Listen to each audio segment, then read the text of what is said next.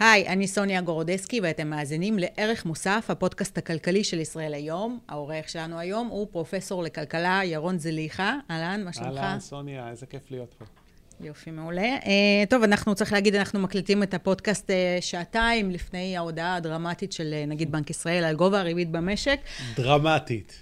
דרמטית, כן, כבר התרגלנו בשנה האחרונה שהריבית עולה כל הזמן, רק נגיד שהצפי הוא שהריבית תעלה בחצי אחוז, אתה מאמין? אני מאמין שבחצי אחוז משתי סיבות. ראשית, האינפלציה ממש ממש לא מורידה ראש בישראל, ויש פער ריביות מאוד משמעותי בינינו לבין האמריקאים, שממשיכים להעלות את הריבית וצריכים להמשיך להעלות את הריבית. כך כן. שעלייה של רבע אחוז תהיה מעטה מדי. טוב, אז לא נתייחס אה, יותר מכך אה, למספרים, אבל כן אה, אני רוצה לשאול אותך לגבי המדיניות המוניטרית של בנק ישראל. תראה, האינפלציה, כמו שאמרת, לא מפסיקה לעלות, והריבית גם עולה, והיא מאוד מכבידה על משקי הבית. האם יש כאן איזושהי טעות של בנק ישראל? האם אולי הממשלה צריכה להיכנס לתמונה? מה צריך לעשות כדי שבאמת אנחנו נראה איזושהי ירידה, התמתנות של האינפלציה? ראשית, אני סבור שקצב האינפלציה... כפי שמודד אותו הלמ"ס, נמצא בהערכת חסר. אני בכלל לא בטוח שהלמ"ס מודד בצורה מדויקת את עליית המחירים, מכיוון שקשה לו מאוד למדוד את צמצום המבצעים בסופר, בסופר פארם. תנסי להיכנס לסופר ולחשוב איזה מבצעים היו לפני שנה ואיזה מבצעים יש היום. כמעט כן. ואין מבצעים. המחיר הקטלוגי אולי עלה בממוצע בחמישה אחוזים, אבל מכיוון שהמבצעים הצטמצמו, אני מאמין ששיעור העלייה האמיתי במדד, בסל הקניות שלנו, עלה בהרבה יותר מחמישה אחוזים. זה לא נמדד טוב במדד. Mm-hmm. וזה מה שמביא אותי לכך שהריבית הרבה יותר נמוכה מקצב האינפלציה. לא כל שכן כאשר אנחנו לוקחים גם את מחירי הדיור שעלו בשנה האחרונה ב-20 אחוזים, הגיעו לשיא של 20 אחוזים, עכשיו ירדו ל-17 אחוזים. אז מה שאנחנו רואים זה שהריבית, למרות שהיא עלתה משמעותית, היא לא מצליחה עדיין נכון. לטפל באינפלציה, וברמה הזו של הריבית היא גם לא תצליח. Mm-hmm. מה שמחדד מה... אוקיי. עוד יותר את השאלה האם הריבית היא הכלי המתאים ביותר לטפל באינפלציה מהסוג שיש לנו בישראל.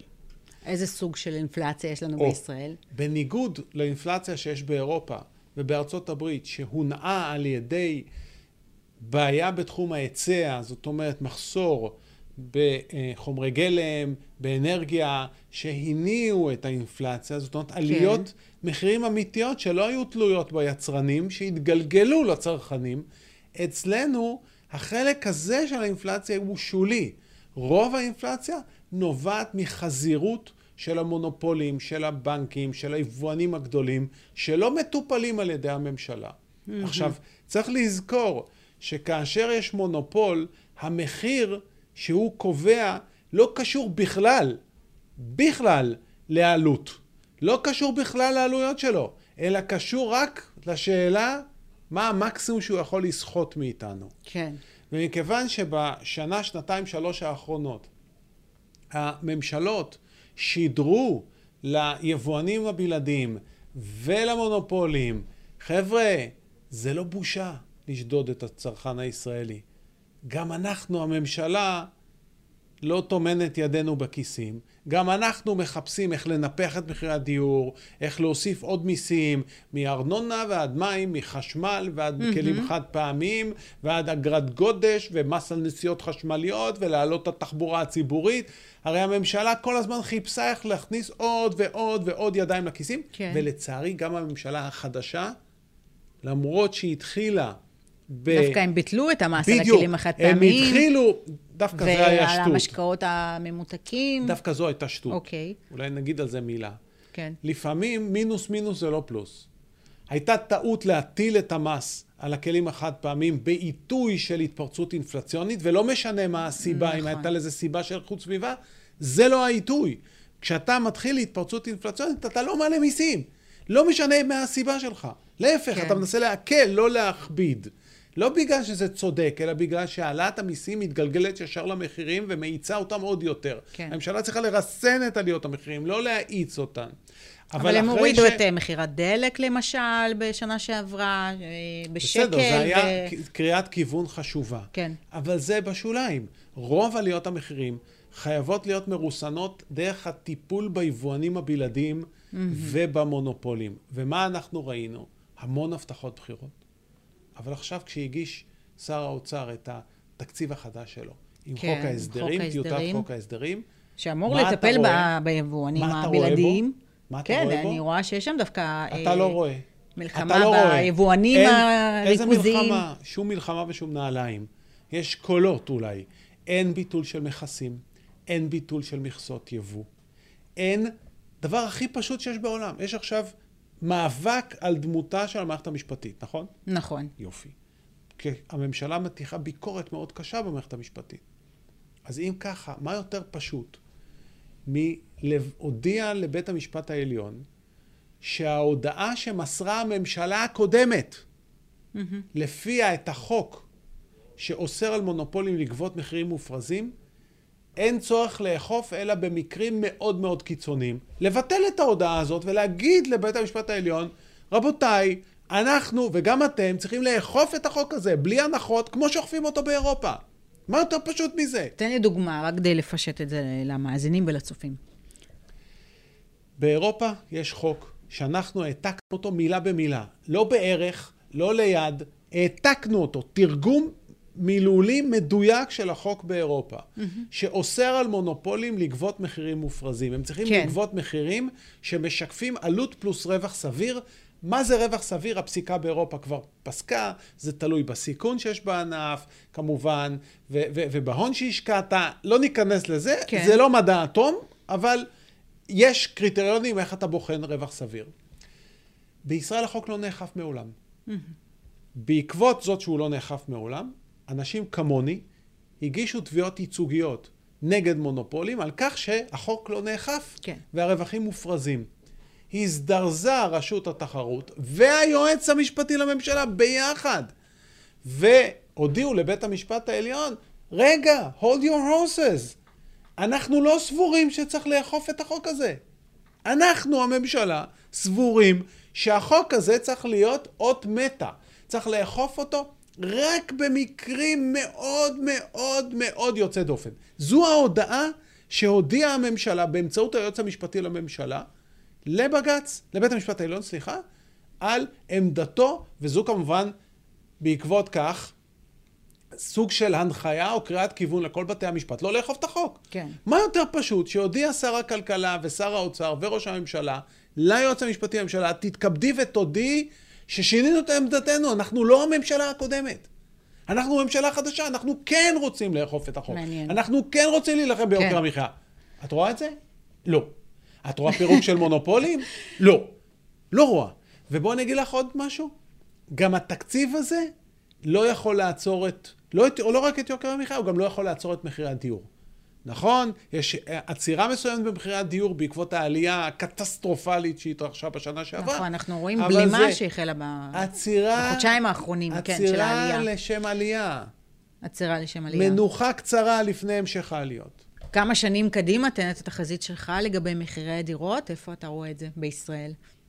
בתור תראי. איש נדל"ן גם, לפי מה שאני מבינה מהשיחה המקדימה לא בינינו. איש נדל"ן בישראל, לא אוקיי. מתעסק לא בישראל. בישראל, אוקיי. בפורטוגל. נטול, נ- נטול מכל אינטרסים אה, אה, סותרים. מה שאני אומר זה דבר מאוד פשוט. בסופו של דבר, מי מרוויח מעליית מחירי הדיור? בוא, בוא נחשוב על זה. מי מרוויח? אה, המדינה בראש ובראשונה, הממשלה, הממשלה, לא, המדינה כן. זה אנחנו. כן, בואי, הממשלה. רק לפעמים הממשלה, אנשים כן, מתבלבלים. המדינה נכון. זה אנחנו. ממשלה זה גוף שאנחנו בחרנו. כן. הממשלה מרוויחה, על כל שקל של עליית מחירי הדיור, היא מרוויחה 60 עד 65 כן. אגורות. הקבלנים, הבנקים. הקבלנים, הבנקים ובעלי ההון. למה בעלי ההון מרוויחים? גם למי שיש לו דירה. מכיוון שמדיניות שמלבה את מחירי הדיור, היא גם אותה מדיניות שמלבה את יוקר המחיה. יש קשר ישיר בין שיעור הצמיחה לנפש לבין מחירי הדיור. באופן עקרוני, תחשבי על זה, ב-25 השנים האחרונות, עלו מחירי הדיור בכל השנים, חוץ מהשנים שאני הייתי באוצר. איך זה יכול להיות? מתי זה איך היה? זה יכול להיות שעד שנכנסתי לאוצר בתחילת 2003, עלו מחירי הדיור? מהרגע שנכנסתי לאוצר התחילו לרדת, חמש שנים הם ירדו, התחילו לעלות מחזרה ברגע שעזבתי. נראה כי לך? מה עשיתם? אולי נס, אולי אלוהים אוהב אותי, או לחילופין, העובדה היא פשוטה. אצלנו הצמיחה לנפש הייתה שלושה וחצי אחוזים, ארבעה אחוזים, כן. כאשר התשואה על שכר דירה היא רק שתיים וחצי. לעומת זאת, ב-15 השנים האחרונות, הצמיחה לנפש היא אחוז וחצי ריאלית, אם אתה לא סופר את מלוא עליית מחירי הדיור. נראה לי שב-2022 זה היה יותר גבוה, אה, התפרסם עכשיו זו לאחרונה. הטעיה נתון. סטטיסטית, אל תקני את זה. אוקיי. אם תרצי נדבר על זה, אבל זה הטעיה סטטיסטית. יותר משישה אחוזים אה, ב- בכל השנה. יש פה שני, ו- שני עניינים 2022. סטטיסטיים שגרמו למספר הזה להיות גבוה. אחד, השלמת התיקון הטכני של שנת הקורונה, כן. שחלק גדול הושלם ב-21, אבל היתרה ב-22, זה תיקון טכני.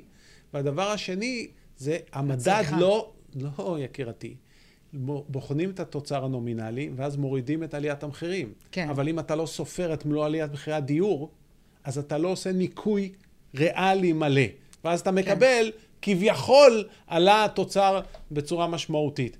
לא עלה ולא נעליים, לא להתרשם מזה. ולראיה, מה צפי הצמיחה בשנת 23?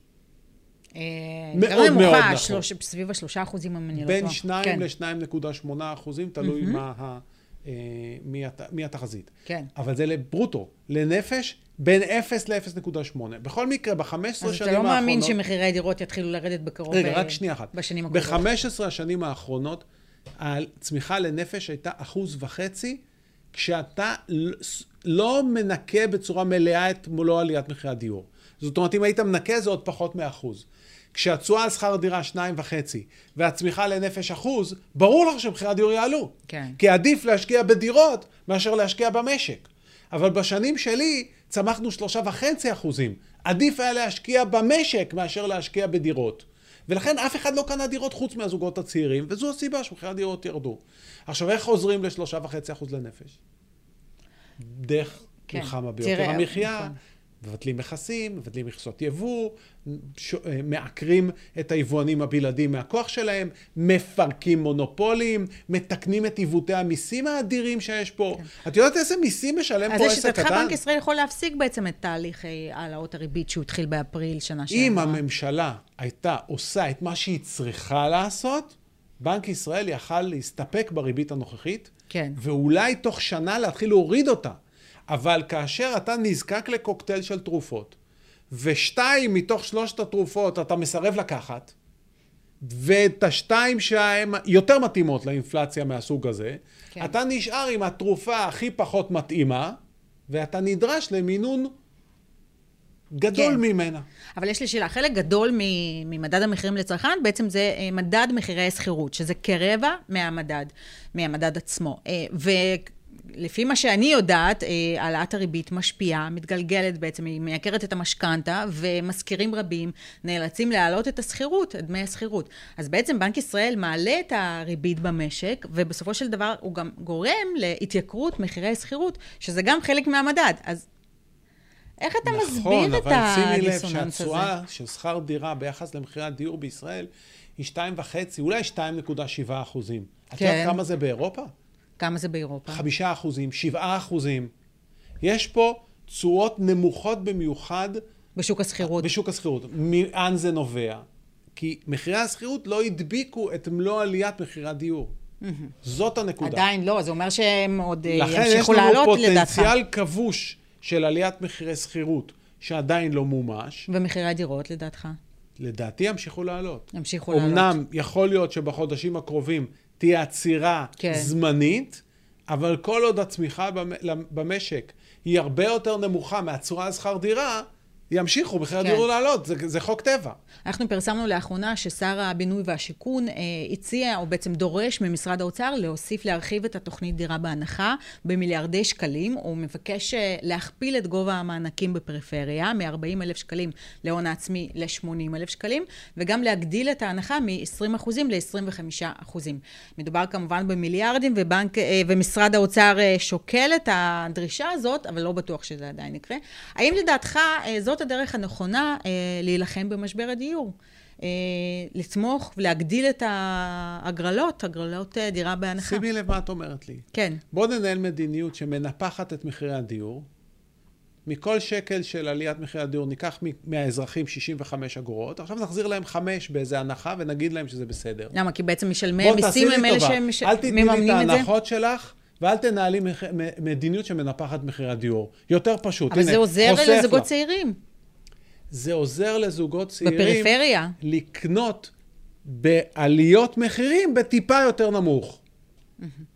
אל תעלה מחירים. שים לב, עוד פעם אני אומר, כל עוד אתה מנהל מדיניות שמחבקת את המונופולים ואת היבואנים הבלעדיים ולכן גורמת ליוקר המחיה, ומנהל מדיניות שמחבקת את החברות הגדולות על חשבון העסקים הקטנים דרך עיוותי מיסים בלתי אפשריים, אתה דופק את עצמך. אתה דופק את עצמך, התשואה על שכר דירה נהיית יותר גבוהה מהצמיחה ולכן מחירי הדיור יעלו. ומה אתה אומר לי? אתה אומר לי שאתה תיתן הנחות? תעשה לי טובה, אל תעלה מחירים, אני לא אצטרך הנחות. עכשיו בואו נעקר מהשורש עוד איזה אגדה אורבנית, כביכול אם הממשלה תבנה יותר, זה יעצור את מחירי הדיור. נכון, זה מה שכולם אומרים. קשקוש בלבוש. שתי ראיות. ראיה ראשונה, איך זה, ש... איך זה יכול להיות שבחמש השנים שלי באוצר בנינו הכי פחות? ועדיין, אני חושבת שאולי ירדו. היה... והמחירים כן, ירדו. כן. בנינו מאוד מאוד מעט, והמחירים ירדו, וגם לא היה צריך לבנות יותר. נקודה שנייה, המדיניות שדופקת את הצמיחה וגורמת לה להיות צמיחה לנפש יותר נמוכה מהתשואה לשכר דירה, שולחת ביקושים אדירים לתוך שוק הדיור. Mm-hmm. הביקושים האלה הם בהיקף של 50, 70, 80 אלף דירות. נוספות מעל הזוגות הצעירים. עכשיו יש 50 אלף זוגות צעירים. כן. זאת אומרת שאם אתה לא יודע לבנות 120 אלף דירות, אתה רחוק לא תגיע. עכשיו אתה לא יכול לבנות. המקסימום שהצלחנו לבנות זה 65 אלף, וגם כן לאיזה שנה אחת. אי אפשר, זו מדינה קטנה. עוד דבר, גם לא צריך כל כך הרבה דירות. לא צריך כל כך הרבה דירות, גם ככה יש יותר דירות מהזוגות איך הצעירים. לא צריך כל כך הרבה דירות? הרי אנחנו קצב אה, גידול טבעי של האוכלוסייה יותר משני אחוזים, ויש סבבה, עולים חדשים וחצי- שמגיעים אה, וחצי- מרוסיה, אוקראינה ומדינות אחרות. יש שניים וחצי מיליון משפחות. אנשים מתגרשים, גם אה, משפיע. מאה אחוז, יש שניים וחצי מיליון משפחות, צומחים בשני אחוז, 50 אלף דירות, 55 אלף דירות, 60 אלף דירות, זהו. מודה שזאת נקודה מעניינת שאני לא שמעתי. בדרך כלל אה, כולם באמת מדברים על אה, שצריך להגדיל את. ההיצע כמה שיותר, ב-15 לבנות, לבנות, לבנות. ב-15 שנים כן. האחרונות היה שינוי, בגלל המדיניות המטומטמת הזאת, היה שינוי יסודי בהרכב ההון המשפחתי. לפני 15 שנים, אף משק בית שדעתו הכלכלית שפויה, לא השקיע במסגרת ההון המשפחתי ביותר מדירה אחת. כן. רוב משקי הבית היה להם רק את הדירה שלהם, זהו. כל ההון שמעבר לדירה הבודדת הזו היה מושקע במשק. היום חלק גדול ממשקי הבית בעשירונים שמיני, תשיעי, עשירי, וגם לפעמים מתחת, מושקעים בשתי דירות. למה? למה הם קונים דירה שנייה? כדי להמיר את ההון המשפחתי ש... שנחסך באמצעות השקעה במשק, להמיר אותו בהשקעה בדירה נוספת, מתוך כן. מחשבה שאת הדירה הזאת אנחנו נוריש, ל... נוריש לילדים, לילדים, כן. כשהילדים בני שש שלך יהיו בני 26. תגיד לי, אתה צוחק עליי? כן. מה שעשינו זה הקדמנו ביקושים של הורים שיש להם ילדים בני חמש. וסבים וסבתות שיש להם ד- נכדים בני שנתיים, הם עכשיו קונים את הדירה לילד, כי הם פוחדים שבעוד 15 שנה כבר לא יהיה להם כסף לקנות דירה. כן. אנחנו הקדמנו ביקושים, יצרנו צוואר בקבוק של ביקושים, וכל זה בגלל מדיניות לא נכונה. וכל עוד לא תשני אותה, מחירי הדיור ימשיכו לעלות. כן. טוב, בואו נדבר על הרפורמה המשפטית, על ההשלכות הכלכליות של הרפורמה. אה, אתה מודאג מההשלכות הכלכליות? אה, יש הרבה מאוד אזהרות. אה, למעשה לא הצלחתי למצוא בתקופה האחרונה אף כלכלן או איש עסקים, ש... לא, איש אנשי עסקים זה לא נכון, אבל כלכלן רציני שיבוא ויגיד, אני לא מודאג, הרפורמה הזאת ש... טובה למשק ולכלכלה. אז אולי זה אומר שאני כלכלן לא רציני. אה, לא, לא אמרתי את זה. אז אולי. בוא, אז אני, אולי פשוט, אתה יודע, יש גם... אני לא מודאג בכלל. יש אנשים שמדברים שום... על ההשתקה, ואתה יודע, ברגע שאתה... אה, זה נהיה סוג של באופנה גם לדבר על ההשלכות הכלכליות של הרפורמה, ולא אין כולם... אין שום קשר בין הרפורמה כן. לבין הצמיחה במשק. שום קשר, ואם כבר, אם נעשה למה? רפורמה, כן. אני אסביר. אם נעשה רפורמה מאוזנת, היא אפילו תועיל לצמיחה במשק. מה כן צריך להדאיג אותנו זה השסע בעם. כאשר משקיעים וחברות דירוג ובנקים רואים שיש מהומות, שיש הפגנות ענק, שגולשות לאלימות מילולית, לקריאות לפגיעה בראש ממשלה חס וחלילה, ו- ו- ו- ושיח מאוד מאוד אלים, זה בהחלט פוגע גם בכלכלה, אבל עזבי את הכלכלה, זה פוגע בחברה, עוד לפני הכלכלה. נכון. כשיש שיח אלים, כשצד אחד לא מוכן להקשיב למצוקות של הצד השני, וצד שני מתכוון להעביר רפורמה חד צדדית וקיצונית מדי, הדברים האלה בסוף מגיעים לשסע בעם. ושסע בעם הוא דבר מאוד מאוד מסוכן, כלכלית וחברתית. ולכן צריך לעשות רפורמה. אבל מה אתה עונה לכל המזהירים למיניהם, שבעצם מדברים על בריחת אה, השקעות זרות, על אה, הורדת דירוג האשראי, אה, כתוצאה, לא מהמהומות, אלא כתוצאה מהחלשת בית המשפט. אוקיי, אז בואי לא נדבר בסיסמאות, נדבר לגופו של עניין. החשש לדירוג האשראי של ישראל הוא אפסי. דירוג האשראי של ממשלת ישראל נגזר בראש ובראשונה על ידי היכולת שלה לפרוע את החוב שלה בכלל והחוב שלה במטבע זר בפרט. לגבי החוב שלה בכלל, נטל החוב הממשלתי הוא כ-60 אחוזי תוצר, זה מהשיעורים הנמוכים במערב, יש לנו ממשלה עשירה. עם עני, אבל ממשלה עשירה. נכון מאוד. יתר על כן, האוצר, ובזה אני כן משבח אותו, מתכוון להגיש תקציב אחראי. שימי לב מה קרה בבריטניה, כשהגישו תקציב לא אחראי, הממשלה נפלה. נכון? והשווקים קרסו. למה? כן. בגלל התקציב הלא אחראי. פה נטל החוב הוא, הוא, הוא מאוד סביר, שלא לומר נמוך. תקציב אחראי, אין חשש. לגבי החוב במטבע חוץ, אנחנו כבר שנה שלישית בעודף גדול מאוד במאזן התשלומים. בשנה האחרונה העודף הזה הגיע לכמעט 4.5 אחוזי תוצר. זה למעלה מ-20 מיליארד דולר. יש לנו בעיה של מטבע חוץ, עודף. עודף, לא חוסר. אבל אנחנו רואים את הפיחות של השקל בתקופה האחרונה. אתה מדבר על הפיחות של השקל. אז זה נכון שיש כמה קשקשנים שרוצים להתראיין ואומרים שהם מעבירים כסף לחו"ל. אבל מה עם הכסף שנכנס? את את משק הבית שלך שופטת רק על פי כסף שיוצא, או גם בוחנת את הכסף שנכנס? נכון? כן. אותו דבר במשק הישראלי. יש כסף שנכנס מהגז. מיליארדים של דולרים מהייצור. נכנסים כל הזמן. וגם בחודש הזה יש יותר כסף שנכנס מכסף שיוצא. זה דבר ראשון. אז לגבי דירוג האשראי של ישראל, זה פשוט קשקוש. ומי שאמר את זה, צריך להתבייש. זה לא מקצועי.